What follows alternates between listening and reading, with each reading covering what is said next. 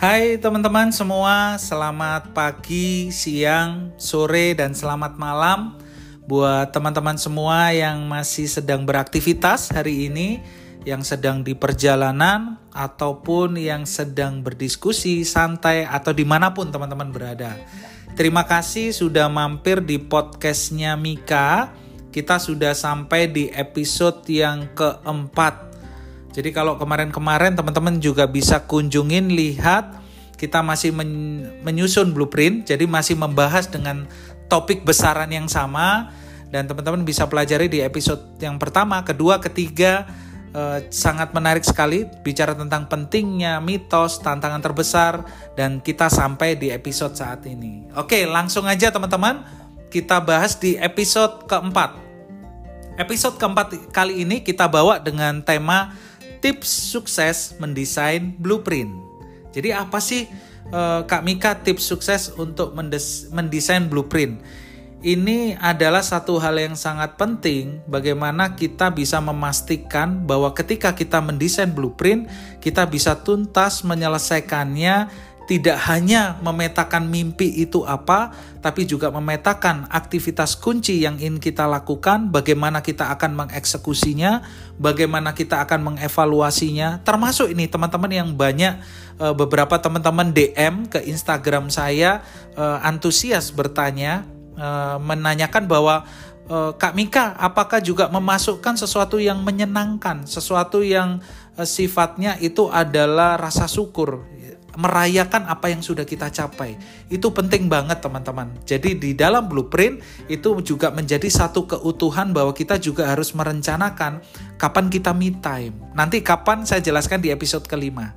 Ya, salah satu e, beberapa tolak ukur yang bisa disusun terkait dengan target-target kita. Nah, sekarang kita bahas yang episode keempat. Tips sukses mendesain blueprint. Di sini saya buat ada empat tips sukses teman-teman ya. Tips sukses bukan tim sukses, tips sukses, oke? Okay? Jadi ini uh, pulang kerja teman-teman jadi sekalian bikin episode keempat semoga tidak ada suara yang mengganggu oke okay? nah kita mulai aja yuk teman-teman nomor satu nomor satu untuk tips sukses mendesain blueprint yang pertama adalah desain blueprint untuk langkah praktis mencapai apa yang benar-benar kita rindukan supaya itu bisa tercapai. Jadi teman-teman boleh catat ya, teman-teman harus desain blueprint sebagai langkah praktis, langkah praktis, langkah yang bisa dilakukan untuk mencapai apa yang benar-benar teman-teman rindukan. Nah, artinya apa? Jangan sampai menyusun blueprint sebagai bentuk rutinitas saja. Nah, ini adalah kata kunci pembungkusnya yang teman-teman bisa catat bahwa blueprint itu bukan rutinitas, tapi harus dekat dengan rutinitas. Saya ulangin ya teman-teman ya.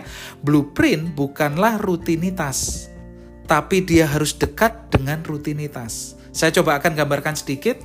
Oke, uh, saya punya target mimpi seperti ini. Oke, saya akan melakukan rutin uh, satu ini, dua ini, tiga ini, empat ini seperti biasanya rutin saya hidup. Saya seperti biasanya melakukan seperti itu. Dan sampai pada akhirnya teman-teman tidak mengalami perbedaan apa pun karena itu hanya rutinitas tidak ada nyawa di sana, tidak ada soul di sana, tidak ada semangat di sana. Sehingga bahwa ya rutin aja kayak biasanya baca buku, ya kayak biasanya saya diskusi dengan orang-orang yang memang bisa mendukung mimpi saya. Tapi ketika berbicara dengan orang-orang yang bisa mendukung mimpi saya, saya tidak merasakan desire-nya. Yang ada saya nguap, ngantuk, males, udah selesai belum sih Pak? Ini soalnya target saya di blueprint 15 eh, menit untuk diskusi sama Bapak. Kalau udah selesai ya udah Pak 15 menit udah selesai ya. Oke, saya tinggal. Ditinggal begitu saja. Tidak ada kehangatan, keintiman, desire di dalam proses blueprint ketika kita mengeksekusi blueprint tersebut. Jangan ya teman-teman, kalau teman-teman pengen sukses mendesain blueprint dan kemudian mengeksekusinya, pastikan Desain blueprint itu adalah langkah praktis untuk mencapai apa yang benar-benar teman-teman rindukan untuk pengen capai. Oke, jadi tidak hanya rutinitas, tapi harus dekat dengan rutinitas. Bukan tentang rutinnya, tapi kegiatan yang kita desain dalam blueprint harus ada semangatnya, ada spiritnya, ada geloranya. Dan setiap rencana aktivitas yang kita lakukan atau kita desain dekat dengan rutinitas kita. Supaya ketika kita melakukan atau mengeksekusi key activity itu, key activity itu bisa tangible dan bisa achievable, bisa kelihatan dan bisa dicapai. Itu ya teman-teman ya kata kuncinya.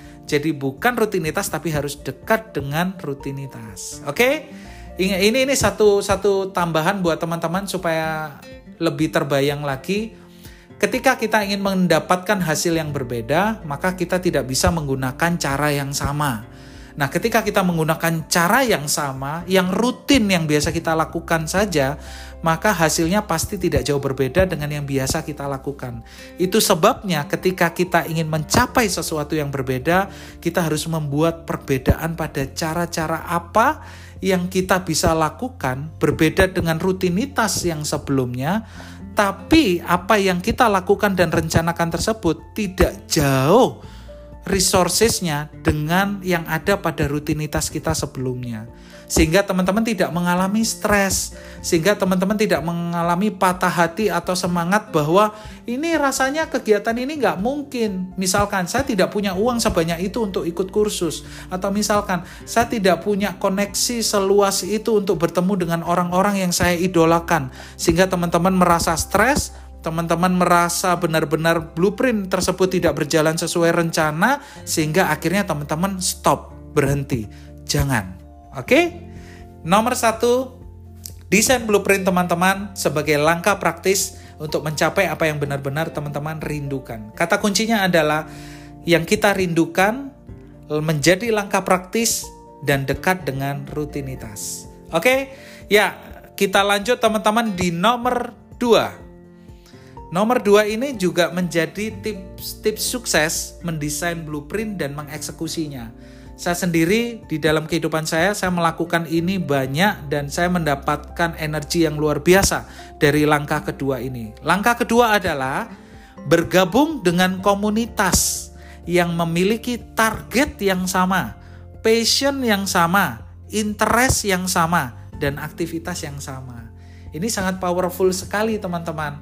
Ketika teman-teman bisa menemukan komunitas tersebut, teman-teman bisa ketawa bareng, bisa sedih bareng, bisa punya target dan tujuan yang sama, punya minat yang sama, punya aktivitas-aktivitas yang sama sehingga teman-teman tidak merasa sendiri, punya teman dalam rangka untuk mencapai mimpi tersebut, cari, temukan, bergabung dan mulai berinteraksi dengan mereka karena teman-teman tidak bisa berjalan sendiri. Memang tanggung jawab mimpi kita ada pada diri kita sendiri blueprint hidup kita, desainer yang adalah diri kita sendiri, tanggung jawabnya ada di diri kita sendiri, begitu juga bagaimana kita berusaha untuk mencapai mimpi itu.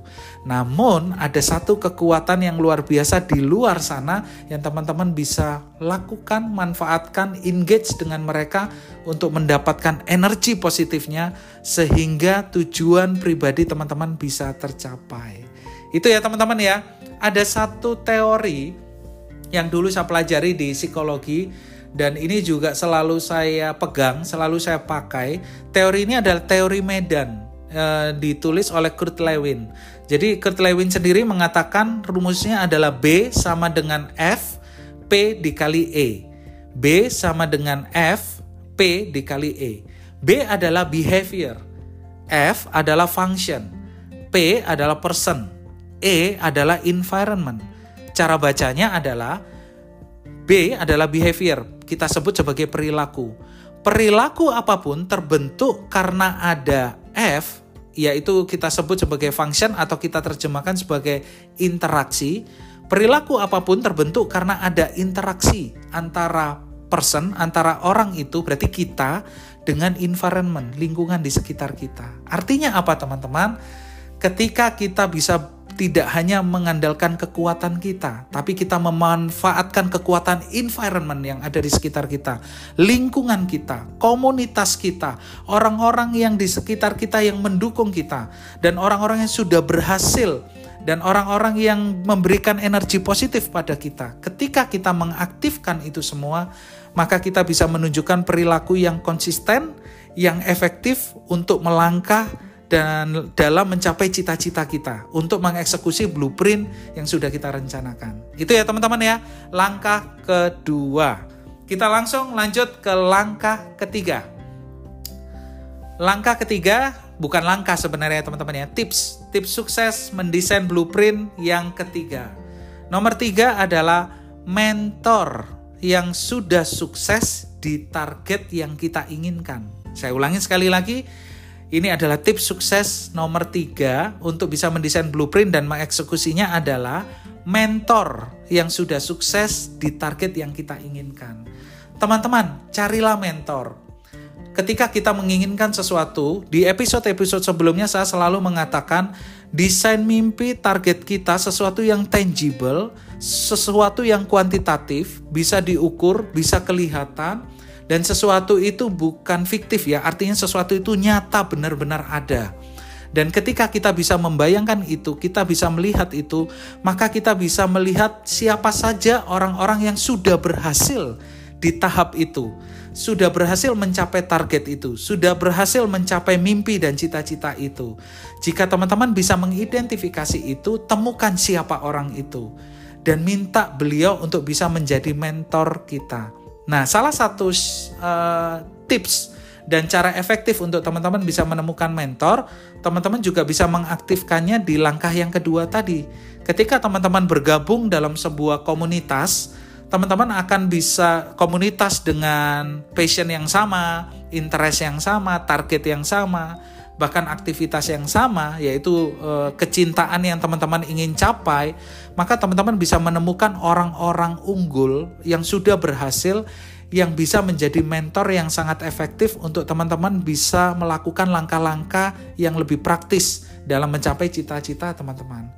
Itu ya teman-teman ya. Dan untuk saya sendiri teman-teman uh, sharing sedikit di nomor tiga ini saya memiliki mentor yang sangat kuat di psikologi sehingga ketika saya memulai podcast ini atau ketika saya memulai live Instagram atau ketika saya berpraktek sebagai psikolog industri organisasi ataupun ketika saya melakukan banyak hal, saya punya cara pandang dan saya punya orang yang saya jadikan acuan sehingga ketika saya melakukan detail demi detail apa yang saya sukai atau apa yang menjadi mimpi saya dan target saya saya akan selalu melihat aturan code of conduct yang ada pada psikologi. Yang kedua, saya mengaktifkan mentor saya untuk memberikan feedback secara positif kepada saya. Feedback secara positif itu bukan berarti hanya memuji teman-teman, tapi seorang mentor ini berfungsi luar biasa banget. Misalkan Mika, saya nggak setuju dengan Mika, caramu sudah benar, tapi bagaimana caramu mengeksekusi sehingga tidak bisa sampai ke hasil karena ada bagian-bagian-bagian yang hilang, ada semangat yang tidak dimasukkan di sana, atau ada tahapan-tahapan yang tidak dilakukan. Mentor itu akan memberikan feedback positif, yaitu membangun kita dengan cara mengkritisi setiap jalan, cara, termasuk rencana-rencana yang sudah kita lakukan. Nah, ini kuncinya mentor, teman-teman. Ini adalah kunci dari nomor tiga. Dan kita sampai di nomor terakhir, nomor empat tips sukses mendesain blueprint dan mengeksekusinya. Tips keempat adalah ini jadi semangat buat teman-teman ya dan ini yang selalu saya pegang teman-teman dan selalu saya lakukan juga. Tips keempat adalah tidak lelah melangkah karena hidup kita berharga. Mungkin ini klasik ya teman-teman. Waduh, udah sering denger banget Kak Mika banyak orang yang ngobrol tentang itu atau membahas tentang itu atau menyampaikan tentang itu. Nah, saya mencoba memberikan perspektif yang berbeda dan ini terjadi dalam hidup saya pribadi. Saya tidak pernah lelah melangkah karena saya tahu hidup saya berharga.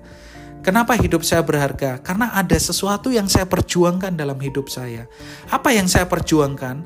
Yaitu keluarga saya istri saya, istri yang saya cintai.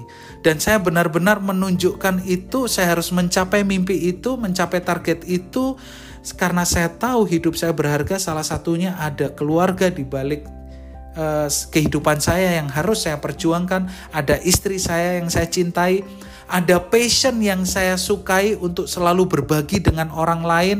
Nah, ini ada satu kasus teman-teman. Kadang-kadang uh, saya pernah menerima satu klien di satu klien itu bercerita uh, tentang Pak, aku, Kak, aku sudah melakukan itu, aku mencapai itu sesuai dengan target mimpiku, namun kemudian ada lingkungan yang tidak begitu mendukung, bahkan dia memberikan kritik, bahkan komen-komen yang begitu pedas dan seterusnya dan seterusnya dan kemudian aku berhenti. Dan kemudian aku menghentikan semua apa yang sudah kutulis blueprint dan saya ya udah pada akhirnya tidak sampai. Teman-teman, hidup teman-teman berharga. Ketika ada kritikan atau ada masukan ataupun ada feedback ataupun ada apa pun di sekitar kita yang bahkan sekalipun itu kondisinya tidak mendukung, jangan berhenti melangkah berhenti sejenak untuk mengevaluasi, berhenti sejenak untuk melihat di dalam diri kita, apakah yang dikatakan di luar, apakah itu benar-benar memang benar mengganggu atau merusak proses yang sudah saya rencanakan. Artinya jika memang itu tidak efektif, memang itu satu kelemahan atau satu kesalahan, jangan takut untuk menerimanya. Karena kunci sesungguhnya adalah kita ingin sampai segera, kita ingin sampai secepatnya di tempat mimpi, target, atau cita-cita yang pengen kita tuju. Untuk itu, jangan takut, jangan berhenti, atau bahkan mutung istilah orang Jawa, tapi teman-teman berhenti sejenak, evaluasi, lihat lagi cara-cara apa yang salah, cara-cara apa yang tidak efektif, dan teman-teman jika merasa bahwa itu memang benar tidak efektif, valid, teman-teman redefine kembali dan melangkah kembali. Karena hidup teman-teman berharga. Jadi untuk poin keempat ini tips suksesnya, tips suksesnya untuk mendesain blueprint dan supaya kita bisa mengeksekusinya, teman-teman jangan sampai lelah melangkah karena hidup teman-teman berharga. Supaya kita tahu hidup kita berharga, carilah sebuah alasan yang kuat dan mendasar kenapa kita menyusun blueprint itu dan kenapa kita harus mengeksekusinya dan kenapa kita harus mencapai ke target mimpi atau cita-cita itu. Kalau teman-teman menemukan alasan yang kuat di balik semua teman-teman melakukan ini, maka tidak ada alasan untuk berhenti. Tidak ada alasan untuk teman-teman merasa bersedih atau bahkan tidak ada alasan untuk teman-teman menyerah. Semoga bermanfaat buat teman-teman. Semoga teman-teman tidak berhenti melangkah. Semoga teman-teman terus bermimpi dan supaya mimpi itu tidak hanya menjadi mimpi, uh, teman-teman juga berusaha untuk memetakan uh, blueprint, membuat blueprint dan supaya itu tidak hanya menjadi mimpi, dipetakan menjadi key aktivitas atau key activity dan melakukannya, mengeksekusinya secara konsisten. Itu aja teman-teman episode yang keempat. Semoga bermanfaat buat teman-teman tips sukses mendesain blueprint. Jika saya summary, yang pertama adalah desain blueprint sebagai langkah praktis yang benar-benar kita rindukan. Kalau teman-teman rindu, pasti teman-teman akan memetakannya sebagai langkah praktis yang nggak sabar untuk setiap harinya mengeksekusi, mengeksekusi, dan mengeksekusi. Lalu langkah kedua atau tips kedua adalah bergabung dengan komunitas yang memiliki target yang sama, passion yang sama, interest yang sama, dan aktivitas yang sama. Karena kita bisa menemukan energi positif di komunitas tersebut. Dan kita bisa mendengarkan apa yang efektif dan tidak efektif dari komunitas tersebut sebelum kita melewatinya. Dan yang ketiga adalah mencari mentor yang sukses di target yang ingin kita capai. Karena mentor tersebut akan membantu kita untuk menyusun rencana dan memprediksikan masa depan yang belum kelihatan karena si mentor itu sudah sampai duluan sehingga mentor itu bisa menceritakan langkah-langkah sukses yang sudah pernah dia jalani. Sehingga teman-teman tidak buta-buta banget tapi teman-teman sudah punya panduan untuk bisa pergi ke sana. Dan yang keempat adalah jangan lelah melangkah, jangan lelah melangkah, jangan lelah melangkah karena hidupmu berharga Perjuangkan hidupmu, capai cita-citamu, capai mimpimu, dan izinkan semua tersenyum lebar keluarga, diri kita, atau siapa pun yang mendapatkan manfaat karena kita mencapai mimpi dan cita-cita kita.